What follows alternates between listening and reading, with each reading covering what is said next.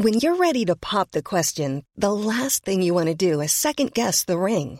At Bluenile.com, you can design a one of a kind ring with the ease and convenience of shopping online. Choose your diamond and setting. When you find the one, you'll get it delivered right to your door. Go to Bluenile.com and use promo code LISTEN to get $50 off your purchase of $500 or more. That's code LISTEN at Bluenile.com for $50 off your purchase. Bluenile.com code LISTEN. I'm going to give the people what they want sensation, horror, shock. Send them out in the streets to tell their friends how wonderful it is to be scared to death.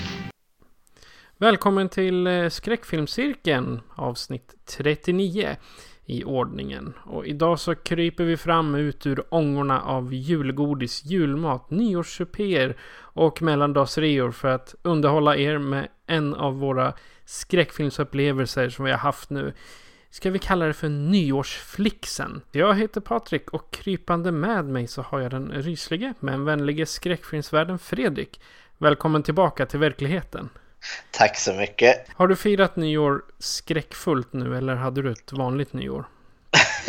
jag hade, jo men det, det var ett väldigt skräckinspirerat nyår. Vi har ett gäng, vi samlas eh, varje år, eller varje nyår. Och så brukar vi spela lite rollspel tillsammans. Och vi kör något som kallas för Dread. Där man då tar en, eh, vad är det, en, en pjäs, en, en block från ett gängatorn så fort man ska göra något. Och om tornet välter, ja då dör karaktären. Och i, år, och i år var det jag som var spelledaren, så då hade jag gjort ett äventyr. Du hade makten med andra ord? Jag hade makten, jag hade gjort ett äventyr då som utspelade sig på en, eh, på en eh, nyårskryssning i eh, svenska skärgården där.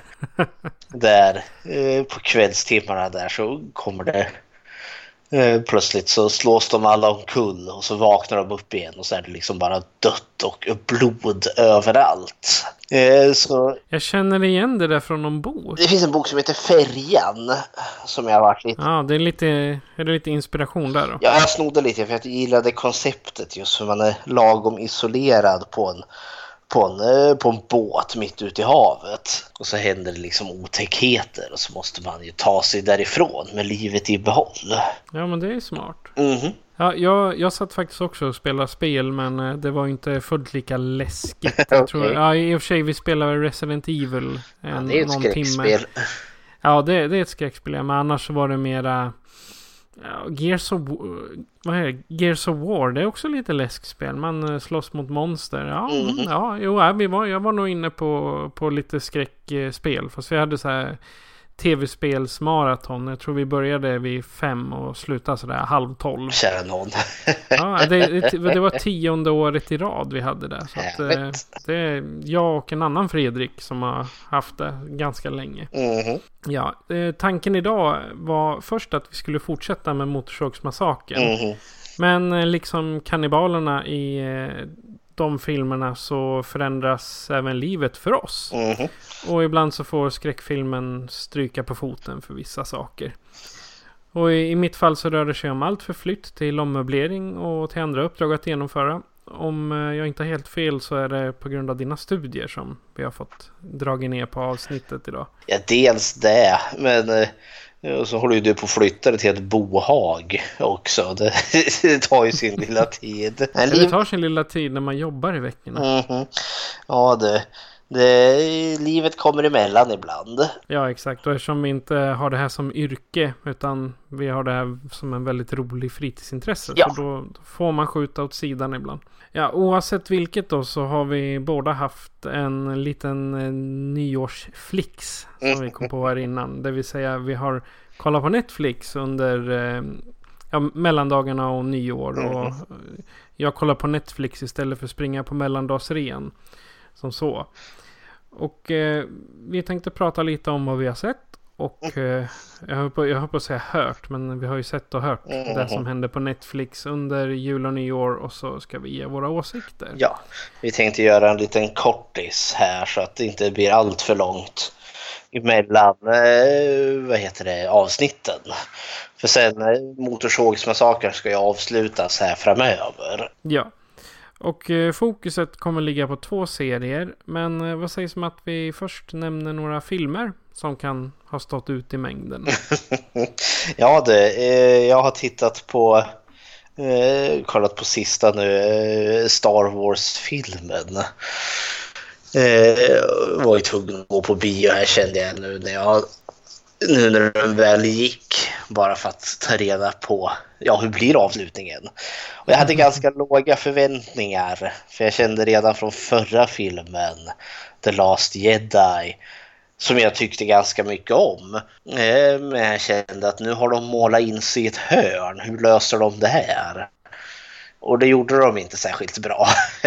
det kändes verkligen som att eh, men, det, det, det fanns ingen vettig fokus. Det kändes som att nu improviserar vi för kung och fosterland. Och visst, den var ju snygg och allt det här, men den här, det som blir konsensus av den här nya trilogin var att det känns som att det fanns ingen färdig plan när man gjorde första filmen The Force Awakens då hade man inte planerat film nummer två och film nummer tre, eller åtta och nio då, i det här fallet. Och det lyser igenom på tok alldeles för mycket. För eh, The Rise of the Skywalker var verkligen ett ja, popperi utav av eh, händelser för den, den bara rusar fram i 140 kilometer i timmen. Liksom tar inte tid att andas en enda gång. Eh, och ja, man var mest ganska ja, trött på det att när filmen var slut jag tycker liksom Star Wars är ändå så ett stort happening. Det man ska känna, oh, nu upplevde jag en stor fläskig film. När den här filmen var slut då kändes det ungefär som ett jaha. Det var väl underhållande. Och det är det jag tänker liksom, Star Wars ska inte vara den här slentrianmässiga filmen. Men det var väl lite där det kändes som.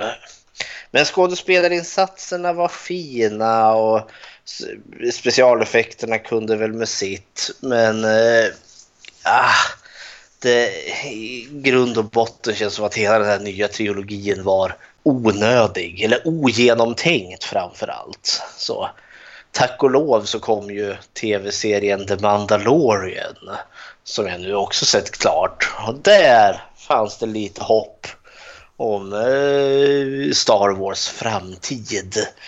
Där gjorde de allting rätt medan filmerna var mest nej.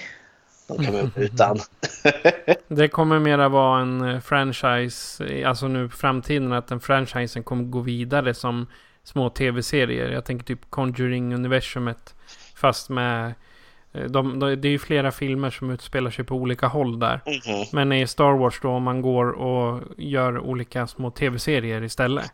Jag tror då just också att skala ner det hela. Uh, för liksom filmerna handlar ju alltid om liksom universums väl och ve står på spel. Hotet är alltid Eh, total undergång. Eh, och ibland liksom på, på galaktisk nivå. Medan i The Mandalorian är det ju liksom, det är så mycket mindre. Det är liksom inte, det kommer en miljon TIE fighters. Eh, det finns en dödsstjärna som man måste stoppa för den kan spränga planeter. Nej, liksom, det är så, det är så mycket mindre ensemble.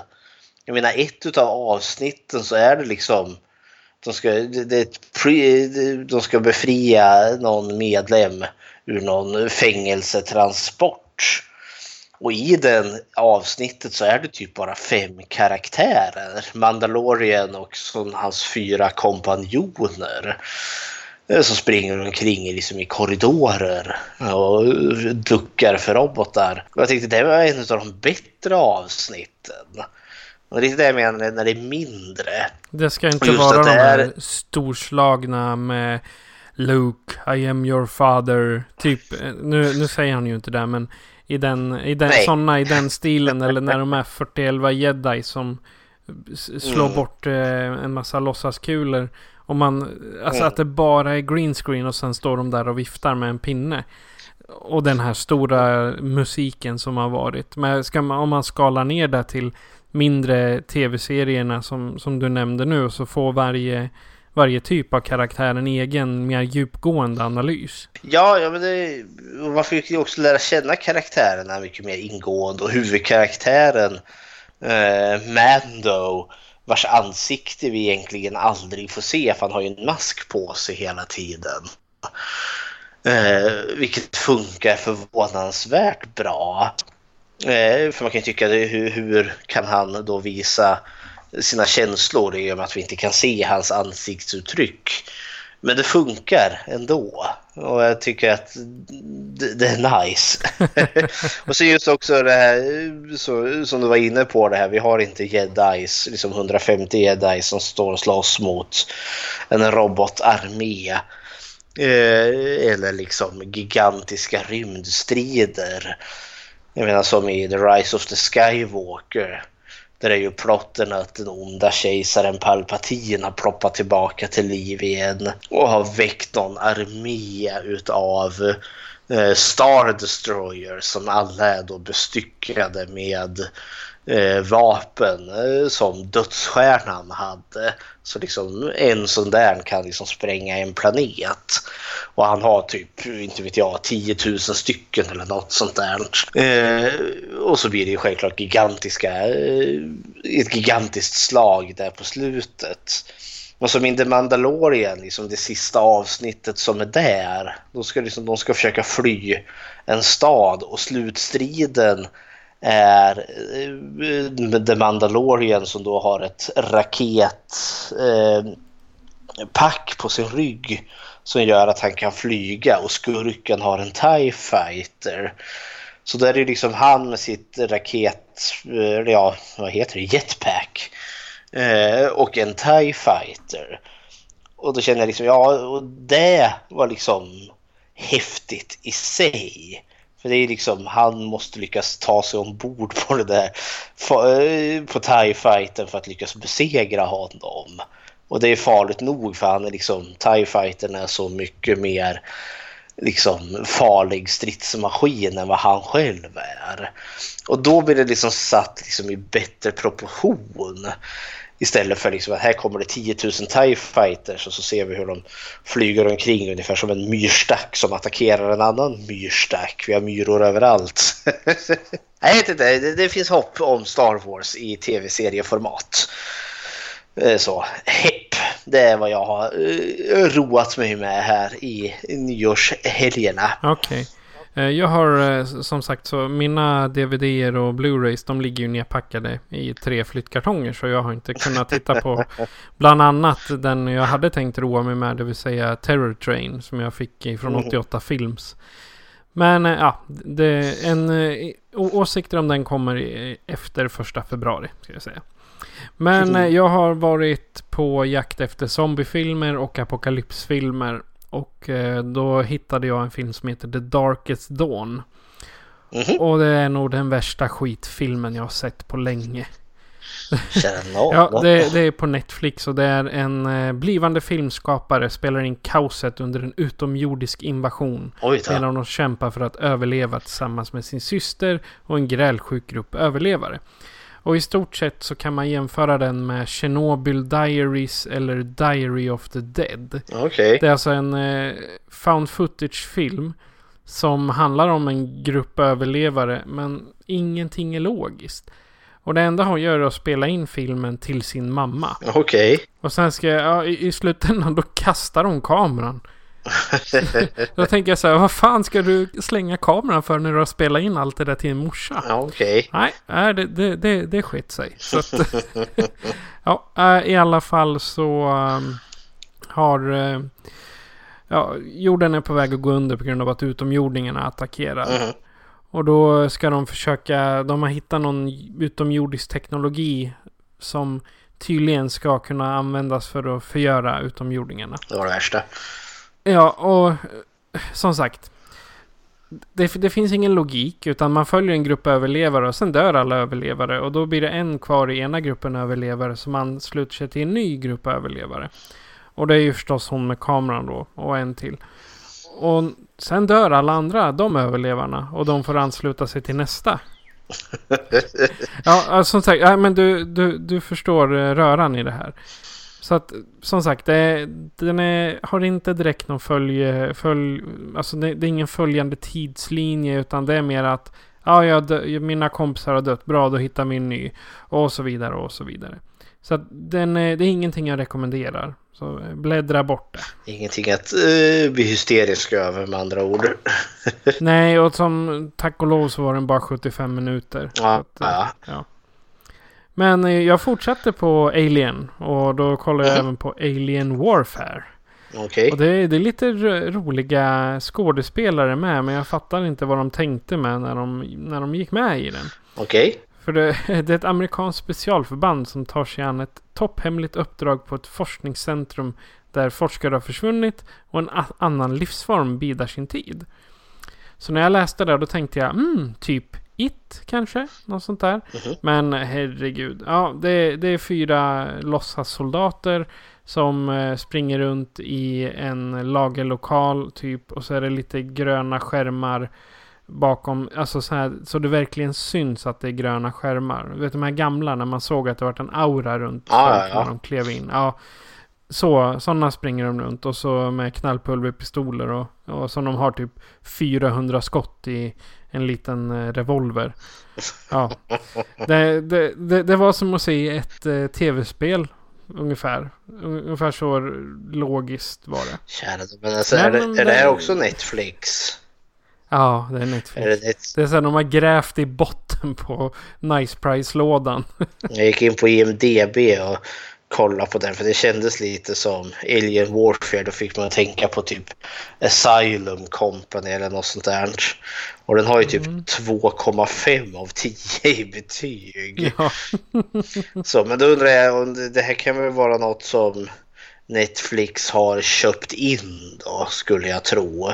Eller hoppas. för att fylla ut. Ja, för det känns liksom som...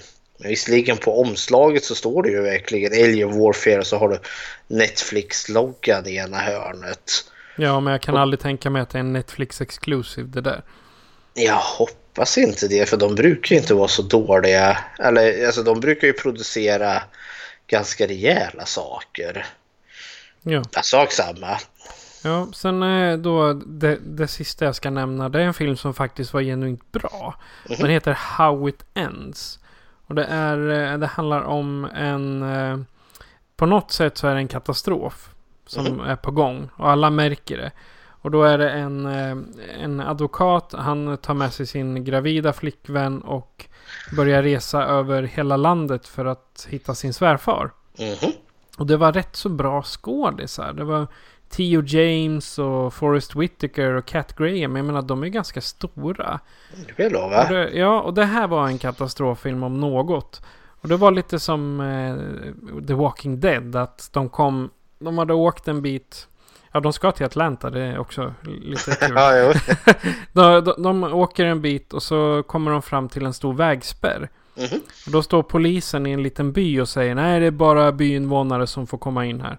Ja men min syster bor här säger han. Ja vem är där då? Ja och så säger han något namn.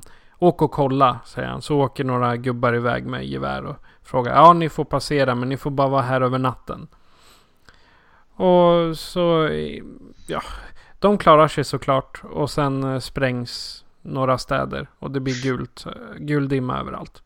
Vad är det för apokalyps då? Är det typ zombies eller vad är det för något? Det är en mystisk katastrof. En mystisk katastrof. Ja, och den är, den är ifrån 2018. Så jag kan tänka Ja. mig att den kommer lite i, vad ska man säga, li, lite efter det här med klimatkatastroferna. Ja, ja, ja. Gre, Greta-effekten. Jag tror att det är många som börjar surfa på det i filmerna. Mm. Särskilt i katastroffilmerna. Så när resurserna tar slut och det blir ansträngt. Precis, och de, de kör med den här att ja, men det, är, det är vi människor, det är vårat fel att det har blivit så här. Ja, Liksom, ja, ständigt. Så att eh, vi får väl tacka Greta Thunberg för det. För det Ja, blir en hel del bra katastroffilmer av, av just eh, det hon har varnat för. Mhm. Ja, men det var, det var jag har sett och allting där finns på Netflix. Men eh, det är inget jag rekommenderar highly. Men kommer Ja, säkert bortsett från sista då, How It Ends. Ja, den, den rekommenderar jag starkt. Men de andra två, det är bara... Ja, ta alkohol om du ska säga. Jag har påbörjat eh, Netflix, eh, för det är väl en Netflix Exclusive, The Witcher. Ja, vad tycker du om den då? Ja, men den tycker jag väldigt mycket om. Eh, Jag har ju spelat spelet, eller tredje spelet för att vara exakt. Jag har inte kört de två första. Eh, Men tredje spelet var ju helt fantastiskt. Och den här utspelar sig rent tidskronologiskt, om jag nu tolkar det rätt, antingen mellan andra och tredje spelet skulle jag tro. Och de har lyckats fångat en hel del utav tonen som spelet har. För det är ju väldigt mörk eh, fantasy får man väl kalla det. Som känns väldigt liksom rotad i typ slavisk eh, eh folktro.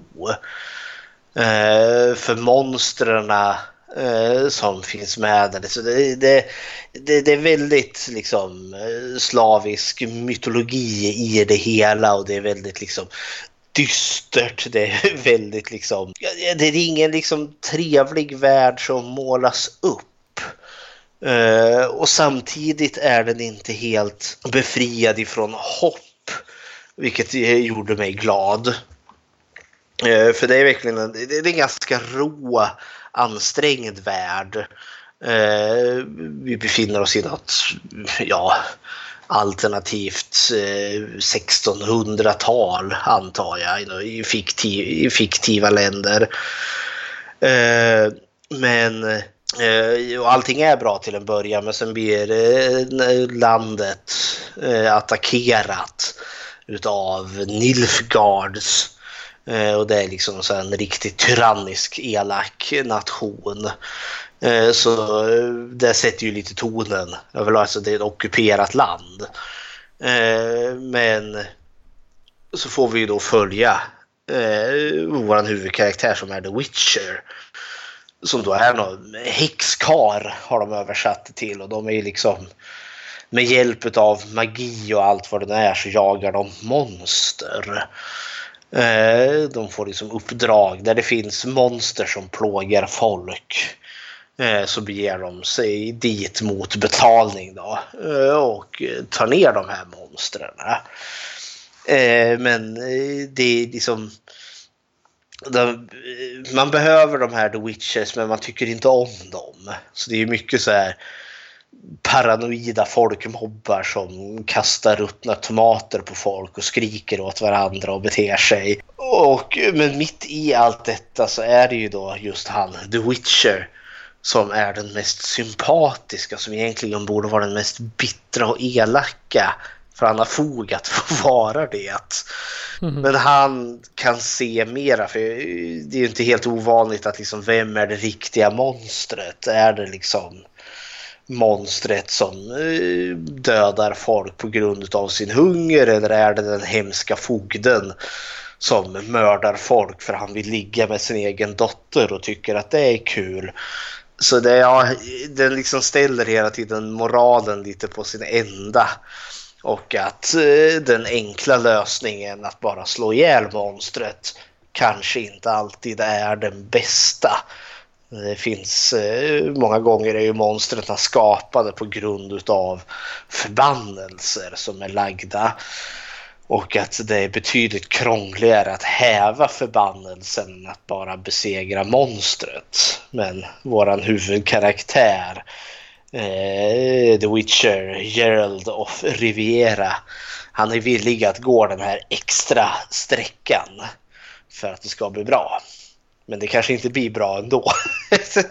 så, men jag gillar den här för jag trodde lite först att det här skulle bli något, eh, eh, i samma liksom mörka anda som Game of Thrones som är ganska mörk och cynisk. Men plötsligt eh, jag upplever den här mer hoppfull, märkligt nog, än Game of Thrones. Men den har typ lika mycket naket och lika mycket våld som Game of. Så nej, men, eh, jag är inte klar med serien ännu men det jag har sett än så länge är det två tummar upp. Ja, då så. Det är mm. lite som, eh, som Resident Evil-serien då. Att eh, de gör filmer om ja, av ju, spelet så att säga. Ja, det här är en tv-serie. Eh, Resident Evil vart ju en filmserie. Ja. Eh, jag kollade på Netflix här och eh, The Witcher tidslinjen finns faktiskt att, att läsa. Coolt. På, ja, den, den, den finns eh, interaktivt på, på Netflix hemsida. Nice. Någonstans. Jag var lite osäker på var. Ja, men ska vi gå till eh, våra serier då som vi ja. har tänkt att prata om? Vi valde varsin här så vi har ju sett en, ja. klart en större serie vardera upptäckte vi. Precis, jag tänkte låta dig börja faktiskt. Ja, jag kom ju här lagom till årsskiftet så kom ju en ny miniserie om Dracula. Jajamän. BBC hade gjort. Ja, jag tänkte Samma. vi spelar trailern till den här Gör så. också. Blood is everything you need. Only in blood do we find the truth. And I will find it. On the blue moon I saw you so soon you'll take me. There is a corruption passing through this world. I wish to know everything that occurred in the time you spent with him.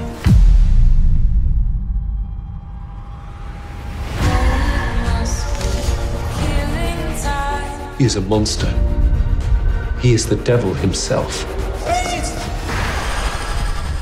I could be wrong, but I think you are having a nightmare.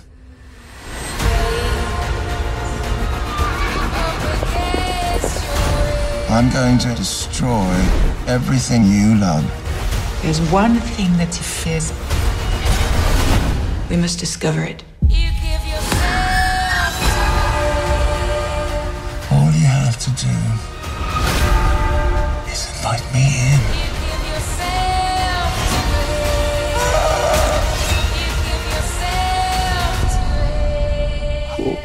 Are you?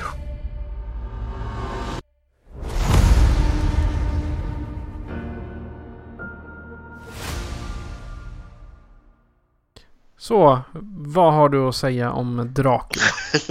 ja, men det här var, det var en kul ny satsning. Eh, och att det var samma gäng som låg bakom den här serien Sherlock. Eh, som hade gjort den här och det då Sherlock med han Benedict Cumberbatch, alltså Sherlock i modern tid. Och den serien har varit löjligt underhållande. Och nu var det då samma team som tog sig an Dracula eh, boken. Eh, med mycket friheter då taget såklart. Det är bara tre avsnitt men varje avsnitt är ungefär en och en halv timme lång så det är ju ungefär, ja det är typ tre filmer att se. Och då har de ju då styckat upp den i, eh, i tre olika segment ur boken. Och det första eh, segmentet eh, som heter The Rules of the Beast eh, utspelas ju då i Draculas slott när Jonathan Harker kommer dit. Och den andra delen som kallas för The Blood Vessel är ju då om eh, när Dracula tar båten över till London eh, på båten Demeter.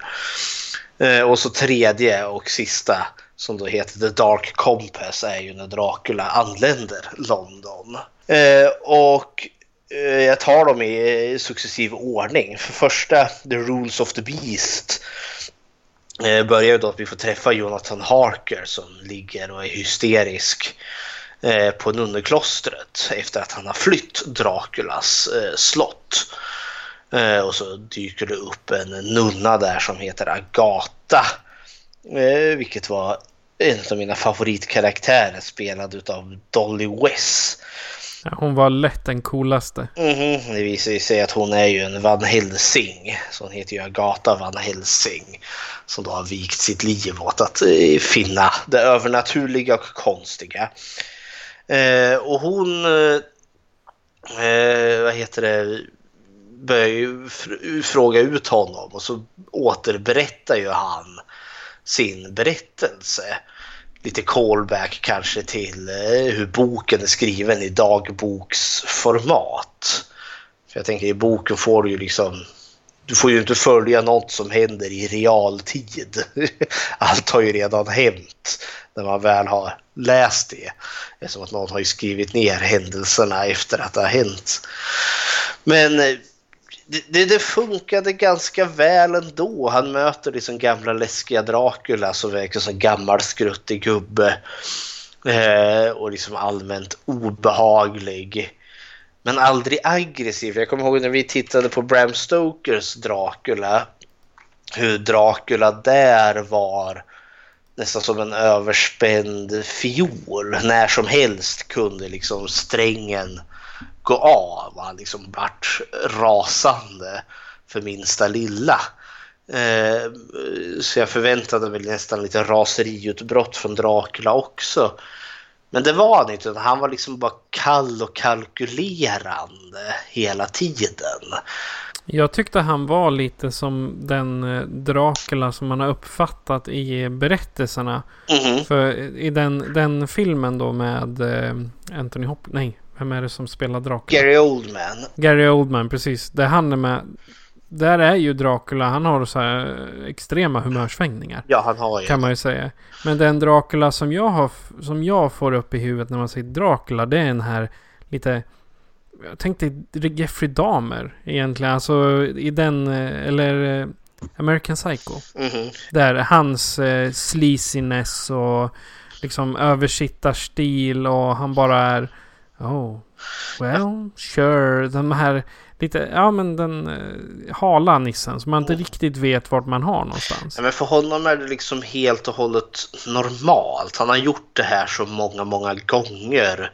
Så att det är liksom en verklighet, eh, för det är vardag för honom.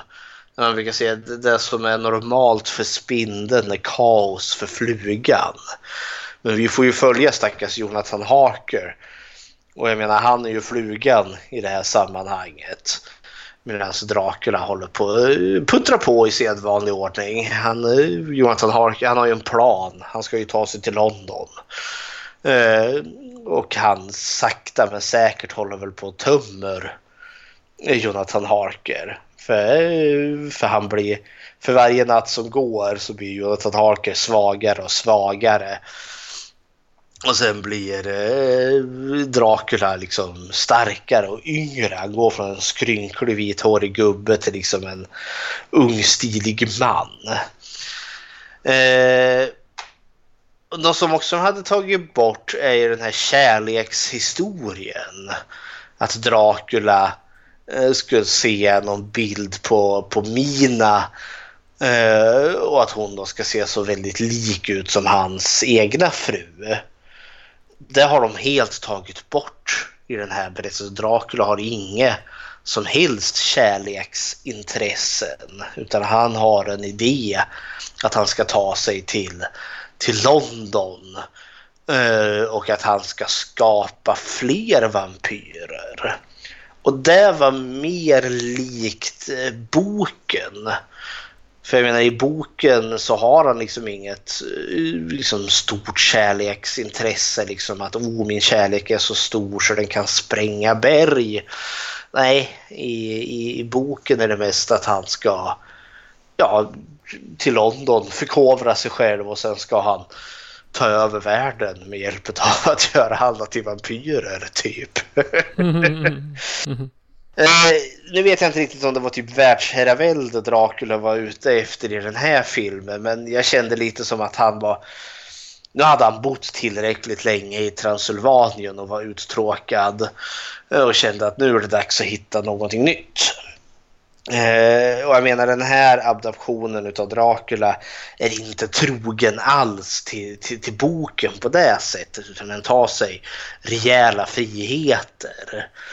Eh, men det funkar väl tycker jag. Jag tycker de, de har tagit liksom det bästa av boken och så har de lagt till eh, en hel del. Jag tänker som karaktären syster Agata.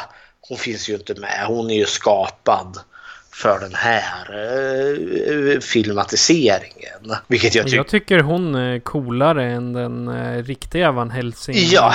Eh, Bram Stokers. Hon är ju lätt så här. Och sen eh, Van Helsing i Bram Stokers, han är väl engelsman där? Ja, det är Eller, för hon är ju, hon är ju Nederländ, hon är från ja. Nederländerna, eh, Agatha. Släkten kan ju ha spritt sig men det är ju typ som Abraham Van Helsing. Han finns ju inte med överhuvudtaget i den här filmen. Eh, och likadant så har man ju spunnit lite Andersson, den här karaktären Renfield. Eh, galningen som sitter och äter flugor på mentalsjukhuset. Eh, han visar ju sig vara vad är det, Draculas advokat. Sen, yep. liksom, vars liksom, blodslinje, alltså släkten har varit typ eh, Släkten Renfield har varit liksom advokat åt Dracula i hundratals år. Och släkt... Det är inget brott att ha varit död i hundra år eller vad nu? Nej men första episoden när de är i Draculas slott eh, är vi liksom får följa läskigheterna i slottet var enormt effektfulla och det var, det var snyggt gjort. Och det var väldigt mycket som var groteskt. Vi får ju träffa, alltså Dracula försöker ju skapa nya vampyrer. För vampyrmytoset är lite, eh, ja, är inte riktigt det vanliga. Alltså Dracula är en högfungerande vampyr. Att han behåller sina sinnen. Eh, och liksom är den här vältaliga mannen. Men det är tydligen inte normaltillståndet för en vampyr. Utan de flesta vampyrer är verkligen så släpande lik. Som bara liksom rampagear, liksom bärsärkar sig fram. Det var ju liksom, han, Jonathan Harke eh, springer ju på några utav Draculas eh, ja, försök eller experiment till vampyrer. Första gången jag träffade dem så hittade jag dem typ mm, någon man nervriden i en låda. Nej, ett kylskåp. Nej, det är långt senare. Det är ju tredje avsnittet. Ja, just det. Det är det. det, är det. Nu blandar jag ihop. Ja, eh, nej men det är, liksom, det är verkligen liksom...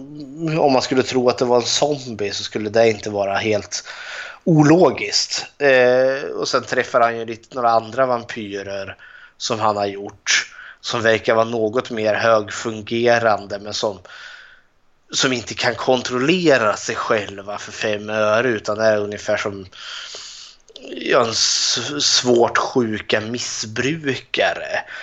Eh, och han försöker, Dracula försöker knäcka gåtan liksom till varför han är så väl fungerande medan alla andra vampyrer inte är det. Så det var ett kul mysterium.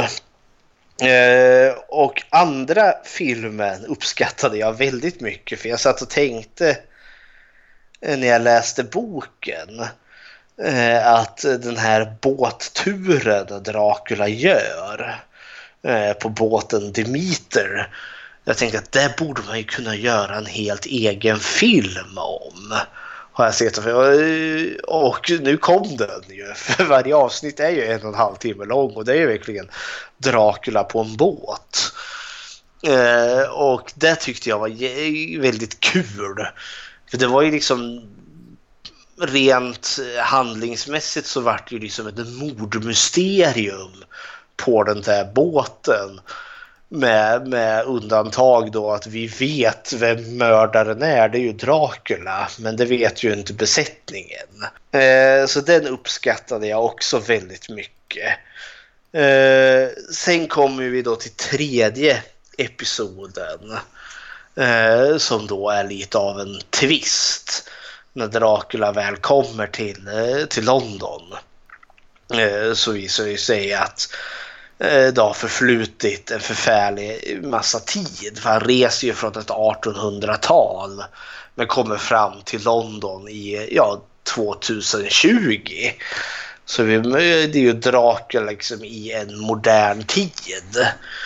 För han har legat på havets botten där och bildat sin tid. Och här, det tredje avsnittet är väl det som har fått mest kritik. Eh, då folk tyckte att de två första är de som fungerar. Och jag kan, jag kan se och förstå kritiken. Eh, men jag tyckte inte att det skälpte serien.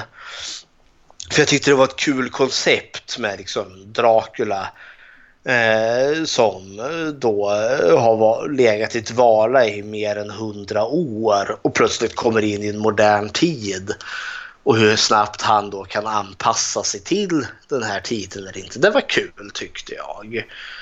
Men det här avsnittet introducerar på tok alldeles för mycket. Och vi måste också lära känna nya karaktärer. För som exempelvis syster Agata. Hon var med i första episoden och hon är med i andra. Det är som att Dracula tar med henne som en gisslan. Eh, och henne var jag intresserad av för hon var ju liksom en återkommande karaktär. Och i tredje avsnittet så är det då en ättling till henne, liksom hennes dotters dotters dotter dotter. Eller något sånt där. Hennes mors, det var väl hennes mammas farmors farmor var hennes moster typ. typ så. Och det, det är ju samma skådespelare men det, det förtog lite effekten för det är inte samma karaktär som jag har eh, sett. Det, det är inte den här nunnan, syster Agata som jag har hejat på för jag tyckte hon var häftig för hon, hon dog ju där. Hon offrar ju sig heroiskt i slutet på andra episoden med att då lyckas besegra Dracula om än temporärt. Eh, och den nya eh, Zoe Helsing som jag tror hon heter, eller Zoe Helsing var inte alls riktigt lika karismatisk utan för hon, hon är döendes i cancer. Eh, och liksom väldigt liksom nedstämd karaktär medan syster Agata hon var den här liksom ganska coola nunnan jag, jag, som liksom verkligen vågade stå Dracula liksom ansikte mot ansikte och säga åt honom att men du, är, du är en skitstövel. mm, du är dum i huvudet. ja, jo, men eh, hon kan liksom läxa upp honom. Ett annat problem eh, den tredje episoden har är att jag tycker den introducerar för mycket. För vi förstår när Dracula kliver om i land så är liksom eh, hon Zoe Helsing och ett gäng liksom armésnubbar där. För det finns en organisation som har då eh, bildats eh, enbart liksom för att hålla Dracula under koll. Typ Jonathan Harker-stiftelsen? Ja, det visar sig. För Jonathan Harker dör ju i första episoden men hans fru Mina finns kvar och hon bildade då en stiftelse Eh, liksom i hans namn då för att eh, enbart för att just bataljera Dracula. Eh, och det tyckte jag var kul för de tar ju Dracula till fånga direkt i början men sen blir ju han frisläppt just eftersom att hans advokat Renfield dyker upp. Som du sa, det är inget brott att han varit död i hundra år och Dracula har rättigheter och bla bla bla bla bla. Eh, så han blir ju frisläppt. Eh, och sen är det liksom Dracula som lever eh, ja, det nya livet. Eh, och den här liksom hemliga organisationen som har jagat Dracula i hundra år, den bara försvinner. Och det kände jag, jaha, vad hände där då? Så introduceras då eh, Lucy, fast i modern tappning och hennes tre älskare. Eh, och i den här varianten då så är de ju typ klubbkids som är, är ute och lever det, häftiga livet och Lucy lyckas ju då ådra sig Draculas uppmärksamhet för att hon är så levnadsglad och så fullständigt orädd. Eh, så då fokuserar handlingen där istället. Så vi har liksom gått från Dracula in i modern tid, hur Dracula ska anpassa sig till en eh, hemlig organisation som har jagat Dracula i hundra år till att Dracula går på eh, popdisco eh, till att Dracula eh, har sitt penthouse. Det, ah, det är alldeles för mycket. Vi får liksom en ny karaktär Zoe och vi ska följa eh, Lucy och hennes tre kärleksintressen. Det är på tok alldeles för mycket mycket att introducera i den sista episoden. Så eh, det tyckte jag var den stora bristen den hade. Sen tyckte jag de sydde ihop säcken ganska väl ändå. Jag tänker i och med att den här är helt och hållet ny så ska jag inte spoila slutet. Nej, eh, den kom väl i år? Den gjorde ju det. Eh, men jag tyckte den var väl värd att se. Jag läste lite så recensioner och många tycker att den börjar jättebra men slutar som skit.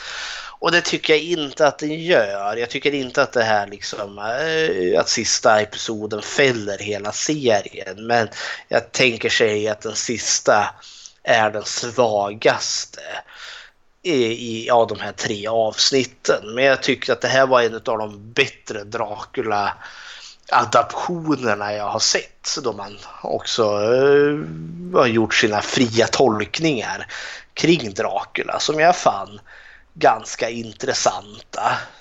Så eh, jag uh, tyckte att det här var en mycket, mycket underhållande uh, filmatisering om den gamla greven.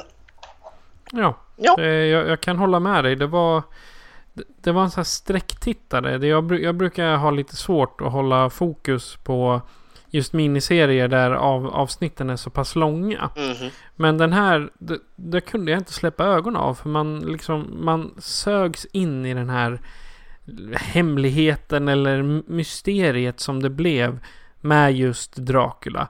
Och sen hade jag någon sån här...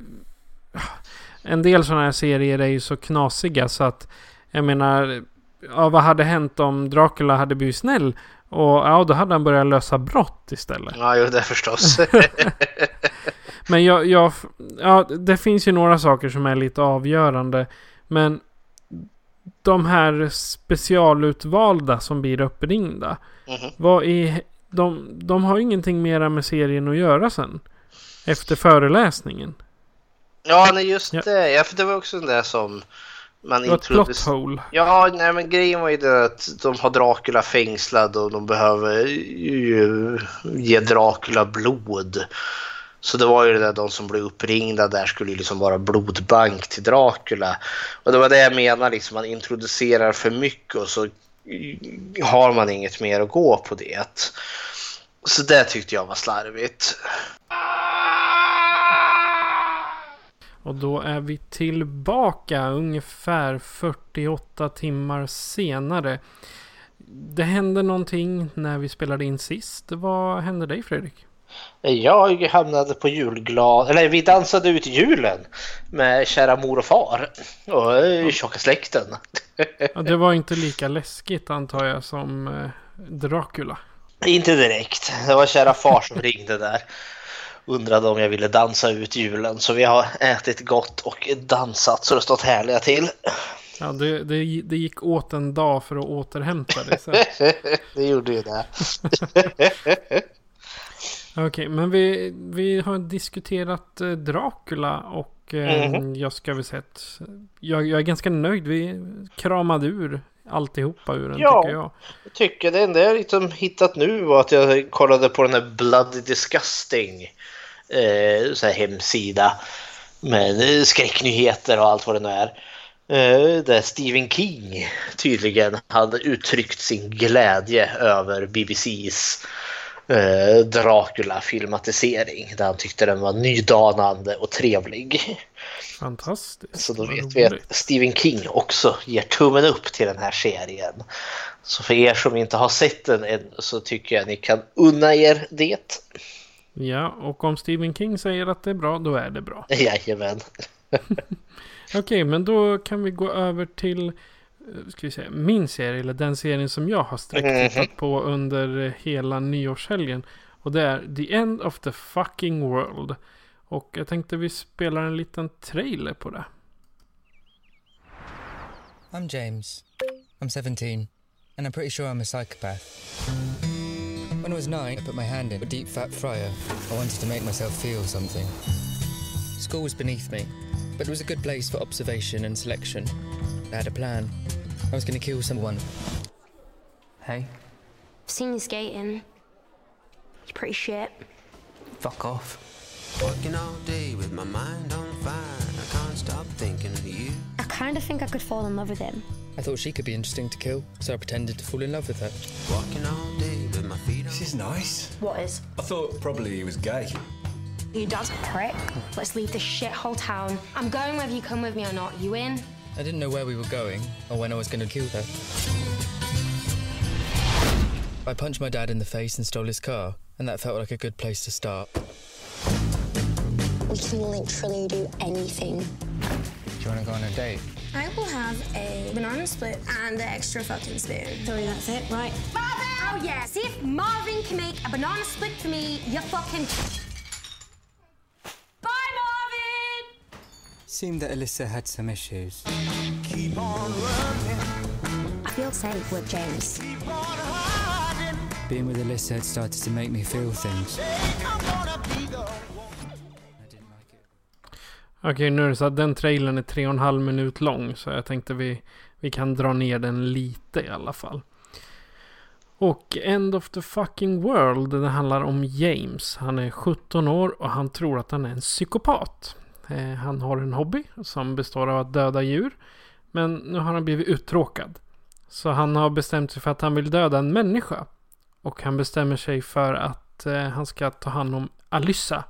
En uppkäftig och upprorisk 17-årig klasskompis. Och han vill ta liv av henne. Men hon har ungefär lika mycket problem. Så istället för att han tar koll på henne i första avsnittet så ger de sig ut på en roadtrip i England kan man säga. Så att, och, och ja, han, vad var det han sa? Han slog sin farsa på käften och snodde hans bil och sen drog de. det är ungefär så. Och just eh, End of the fucking world är en väldigt, väldigt svart komedi. Det handlar helt enkelt om Al uh, James och Alyssa. Som ger sig ut på en himla massa galenskaper. Och det, det jag älskar med den här filmen är att den är så svart att om de står och pratar med varandra så säger den Jag vill mörda dig. Och då säger den andra bara Okej. Okay. Och så inte mycket mer än så. Och just den är brittisk också. Och det är inte... Britterna brukar inte lyckats, lyckas så superbra med de svarta komedierna. Eller ja, det, de, de sakerna de lyckas med är kriminalfilmer, mm. anser jag. Men i alla fall så... Jag sträckt kollade de två säsongerna som är 16, men ja, det är 16 avsnitt sammanlagt på mellan 20 och 25 minuter. Jag sträckkollade det. Jag tror jag såg allt på en enda dag. Mm. Ja, så, så, så jäkla bra tyckte jag den var. Men det, det är mina initiala tankar om The End of the Fucking World. Har du mm. sett något av det? Nej, jag har inte sett End of the Fucking World. Jag har sett trailern. Eh, och, eh, men inte mycket mer än så. Och den initiala tanken jag fick från det var just, precis som du säger, att det här känns som en svart komedi som tar ett väldigt enormt allvarligt tema egentligen av en som en film sk skulle kunna göra mycket, mycket mörkare. Jag känner som eh, han psykopaten som planerar att mörda en människa, liksom en seriemördare, James. James, en seriemördare in the making. Det låter ju lite som typ Jeffrey Dahmer, typ My Friend Dahmer där. Och hon en problematisk eh, ung tjej som eh, rymmer hemifrån. Det Känns som att det skulle kunna bli nattsvart och liksom diskbänksrealism och att man liksom ligger i fosterställning och gråter sen över den förlorade mänskligheten. Men eh, den känsla jag har fått är ju att man rör sig i samma mörka sfär. Men det är så mycket humor Eh, i den så att mörkret tar inte över utan att det blir snarare patetiskt mitt i alltihopa. För jag, jag har ju inte sett det här men jag, eh, blir James någonsin den här seriemördaren han hoppas att bli? Alltså den är nu. Jag säger det. Den som inte har sett den här nu får hålla för öronen. För jag tänkte jag kommer spoila lite. Mm.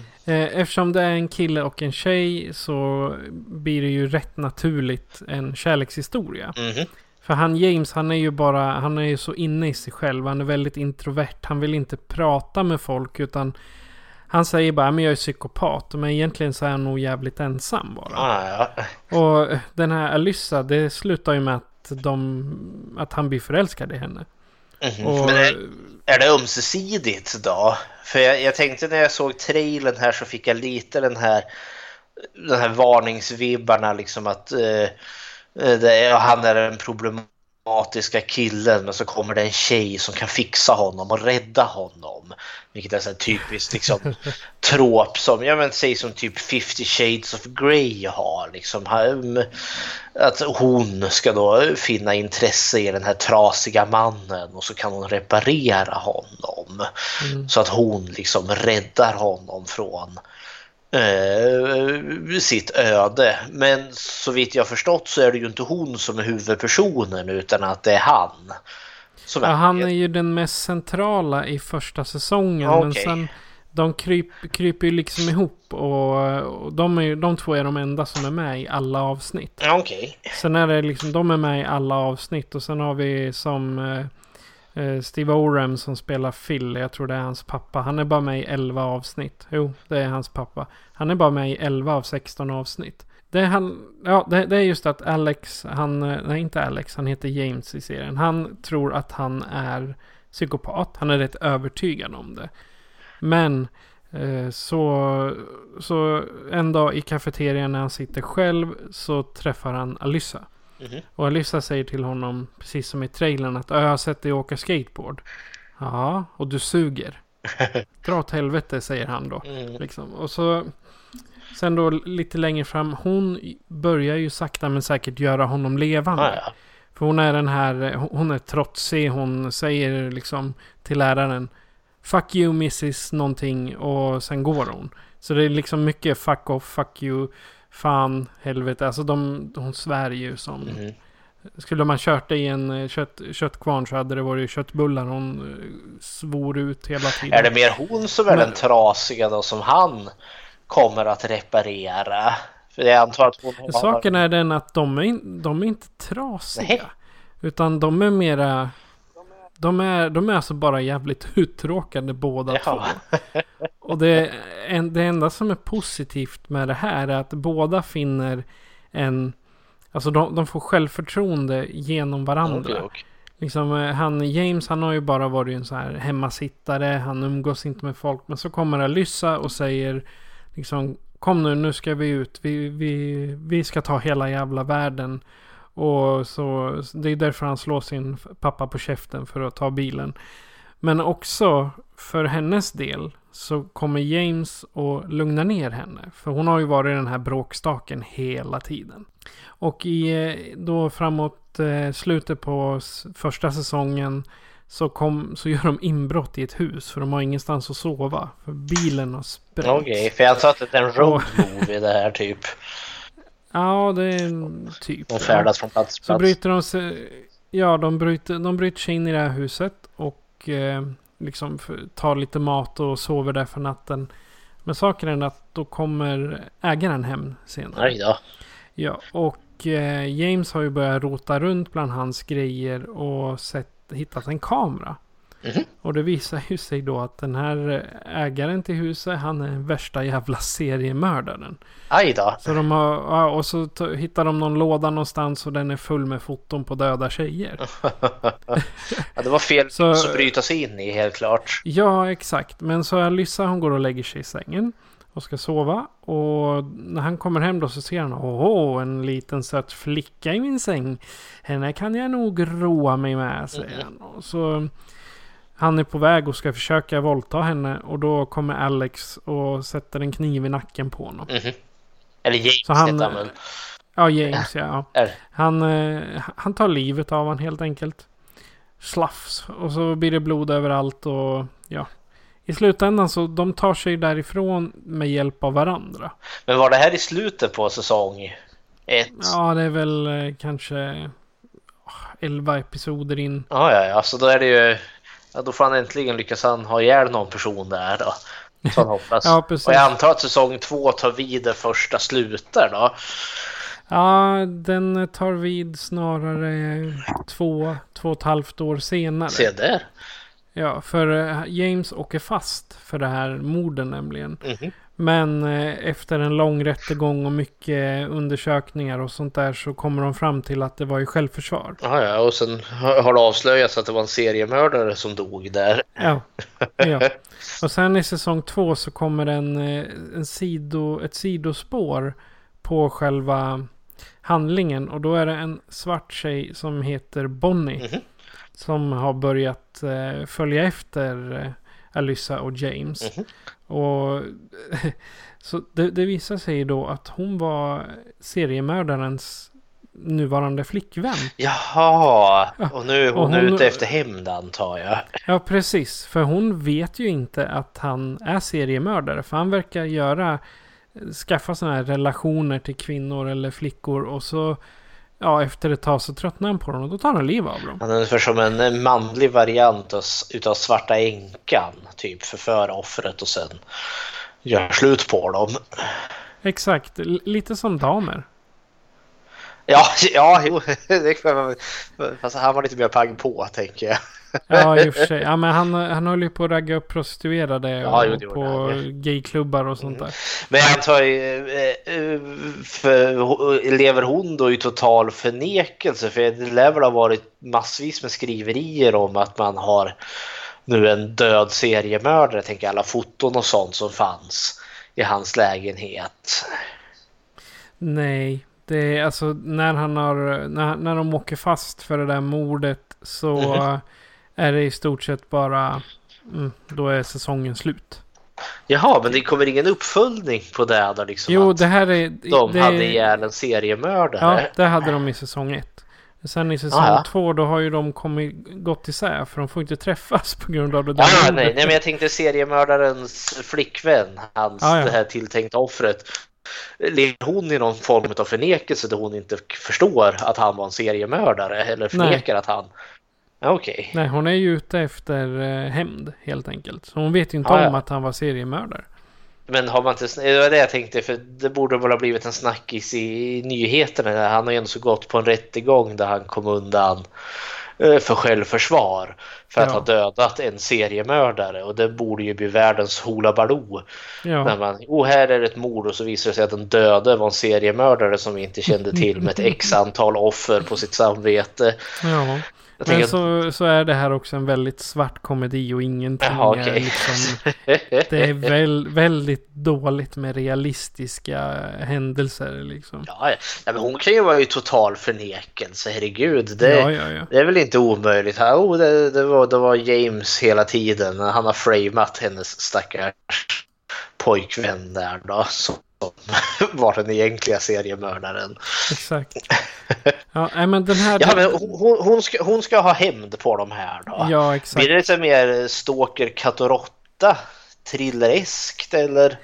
Nej, faktum är att eh, hon, eh, hon, Bonnie, hon kraschar med sin bil och då plockar Alyssa och James upp henne. Ah, Okej. Okay. Så att egentligen... Hon, vet hon vill det illa. Ja, precis. Men det här blir ju precis som i första säsongen att ja, men jag vill mörda dem fast så kommer de fram till att ja, men de kanske inte är någonting att mörda. Okej. alltså, som sagt, den här den, den, spelar väldigt mycket på det här. Li, de, alltså de är ju likgiltiga till tusen alla karaktärerna. Det är liksom, ja men jag ska skjuta dig i huvudet för du mördade min pojkvän. Okej. Okay. Typ, det är de svaren man får. Det är liksom inte de här stora utsvävande känslorna utan det är lite så här nihilistisk eh, vad heter det, inställning till allting. Ja, ja, herregud. Och sen är det James, han eh, har ju då insett efter första säsongen att han är förälskad i Alyssa. Ja, och Alyssa har, eh, har gift sig helt plötsligt. Och sen, och sen en halvtimme efter att de har eh, kommit från altaret så är hon på bröllopsfesten och så helt plötsligt så drar hon bara. Hon tar pengarna de har fått i present så drar Jaha, så nu är hon på rymmen igen. ja, Fast och så träffar hon James förstås. Ja, typ, typ. Och så träffar hon ju James förstås. Och de slår följe. Och så vid en, en av scenerna så sitter de, ja de, de har blivit av med bilen igen. Den har blivit så här, vad heter det, hamnar på uppställningsplats. Och då sitter de och väntar på att vakten ska åka hem. Så, för, så att de ska kunna bryta sig in och hämta ut den. Mm. Och då har hon, Alyssa, somnat. Och James han har velat sagt att jag älskar dig. Hela, hela, hela, de, hela de första avsnitten där. Och då säger han det till henne. Och hon, hon sover ju så att hon hör ju inte det. Tror man. Och sen i sista, i sista avsnittet, i stort sett sista scenen, då säger de bara Jag hörde vad du sa. Ja. hörde, hörde vad? Ja. ja, du vet där vid, bil, vid bilskroten. Jaha. Jag känner likadant, säger hon. Och så lägger hon en hand på hans hand, så är det slut. Ja. Förmodligen var det, de levde lyckliga alla sina dagar. I sin uppfuckade verklighet. Men eh, ska man tro då att eh, serien är avslutad här nu?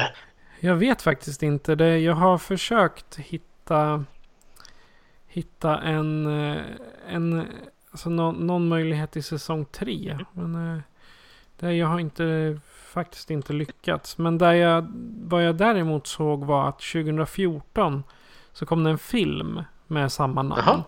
Och den ska, ska, meningen är att den ska vara som en pilot till den här ah, ja. serien. Tror jag. Eller så är det som Netflix gör. De plockar upp eh, filmer och sen gör de serier av dem. Liksom. Ja, det, är, det är inte otänkbart. Nej, för det, det, vet jag de har gjort nyligen nu. Fast det går ju i och för sig på Viaplay. Det är The Bone Collector har de gjort en tv-serie ah, ja, ja. Och det, det, det, tycker jag inte. Det ska vara Denzel Washington och Angelina Jolies eh, kamp där. Men är det samma att han är typ eh, förlamad från halsen och neråt och så mm. sitter han och löser brott? Det, det, är exakt samma. Jag har inte sett allt. Men är det samma mördare? Är det, är det olika av, alltså olika brott? Eller är det samma? För The Bone Collector är ju mm. mördaren som de jagar i filmen. Ja, nej, de, den, den heter, jag tror den heter The Bone Collector. Okej, okay, nej men jag tänkte, är det olika brott varje gång eller är det en och samma mördare de jagar? Jag kan titta så jag ser exakt. Men uh, uh, Hunt, uh, nej, ja, den heter Hunt for the Bone Collector. Heter den, så att det är ju en hel, en hel serie. Okej, okay, då... Eller ja, flera filmer. Ja, då borde det ju vara en och samma. Ja, det är den nog. Den, är, den kommer från i år, så att det är... En pensionerad och sängbunden kriminolog slår sig samman med en ung polis. Nu försvann det bara för dem. Ja. Men det, det är samma. Och förmodligen då så har uh, The End of the Fucking World-filmen, för det är en kortfilm. Uh, enda, enda i uh, själva serien som är med det är Lyssa. Eller Jessica Barden som hon heter.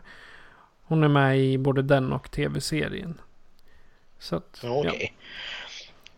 Ja. Jag tänker, om man har gjort en tv-serie om han, om The Bone Collector, då måste de väl göra någon twist. För annars vet vi ju att det är ju hans, det är ju teknikern som är mördaren. För så är det ju i Exakt. filmen. Jag, jag, jag, alltså jag tror det är precis, precis där. De, de tar filmen och så gör de en tv-serie av det. Det ska ju vara sådär liksom, för filmen kom ju ändå så... Ja, när kom den? Typ tidigt 2000. Jag tror jag kommer ihåg att jag fortfarande gick i, i skola. Gick i stadie eller... Nej, jag gick nog kanske sista året i högstadiet då The Bone Collector kom. 99 där skulle precis gå över till gymnasiet. Så den har ju... Den är ju snart 20 år på nacken. Ja, den eh, kom 99 det, så den har 20 ja, år på nacken. 21. Mm. Men det, det, är klart, det, det, det kommer ja, väl så. alltid... Eh, reboots och i det här fallet då en reboot i form av en serie eller remake. Helt enkelt. Mm -hmm. Ja, ja, men det, ja, det, det, det kan, kan väl vara spännande men som sagt man vet ju redan vem mördaren är ja. här. Nu... men de kanske spinner på det att vi kanske också vet vem mördaren är här. Att vi får följa ja. honom. Jag tittar på, jag hittade på NMI eh, att eh, det är inget bekräftat om en säsong 3 på End of the fucking world. Men det är ett eventuellt. Okej. Okay. men såklart, man vet aldrig. Jaha, är det lite, alltså End of the fucking world, är det liksom någon form av svart komedi kring eh, folk som ja, ja, wannabe-seriemördare eller tafatta sådana. För det var ju de vibbarna jag fick när jag såg trailern att han James där eh, liksom aspirerar ju på att bli en seriemördare med tanke på att han har mördat alla djur och nu ska han gå över till att mörda en människa och sen kommer mm. han av sig.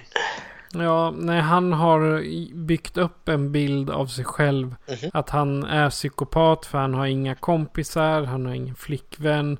Han sitter bara hemma och sen springer han ut och hugger ihjäl något djur någonstans. Man, man får aldrig se att han faktiskt gör det. Okej. Okay. Utan det är mer att han, han, han drar det i, ja, ska säga, i en berättelse. Han, när han var liten då stack han handen i en fritös för att bara se om man kunde känna någonting. Så jag tror att det där är mera att han är så jävla likgiltig inför livet.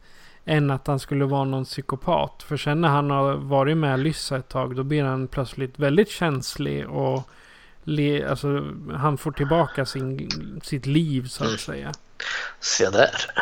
Ja, det är vad vi har sett under jul och nyår. Och gällande Netflix och vårat streamande.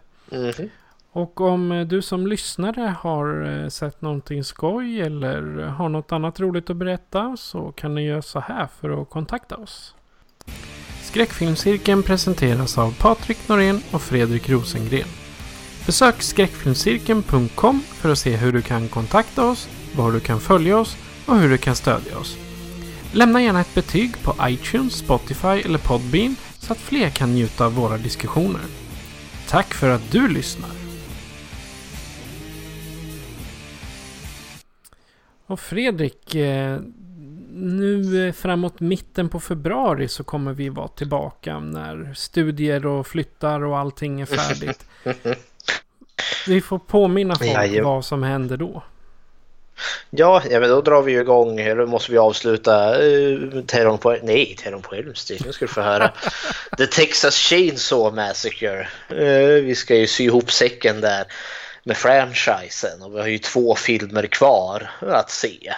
Och det är ju då Texas Chainsaw 3D och eh, Leatherface. Och det är två väldigt bra filmer för jag, jag, har, jag har båda två på Blu-ray. Det ska bli himla trevligt att få plocka fram dem.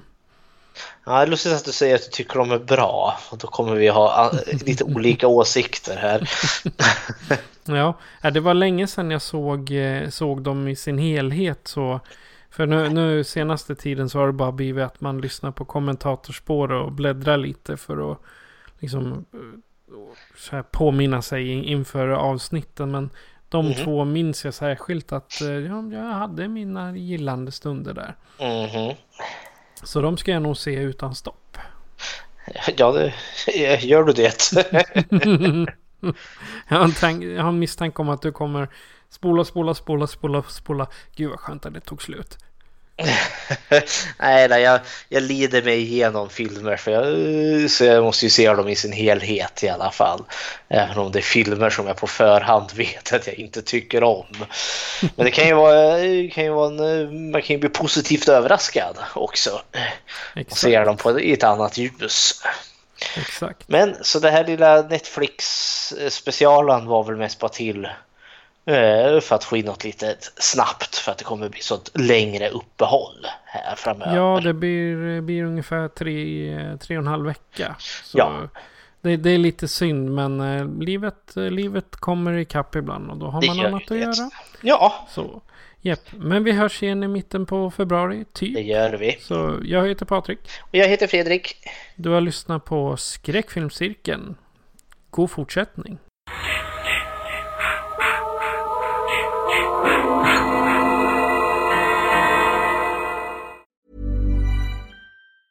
Planning for your next trip? Elevate your travel style with Quince. Quince has all the jet setting essentials you'll want for your next getaway, like European linen, premium luggage options, buttery soft Italian leather bags, and so much more. And is all priced at 50 to 80% less than similar brands. Plus, Quince only works with factories that use safe and ethical manufacturing practices. Pack your bags with high-quality essentials you'll be wearing for vacations to come with Quince. Go to quince.com/pack for free shipping and 365-day returns.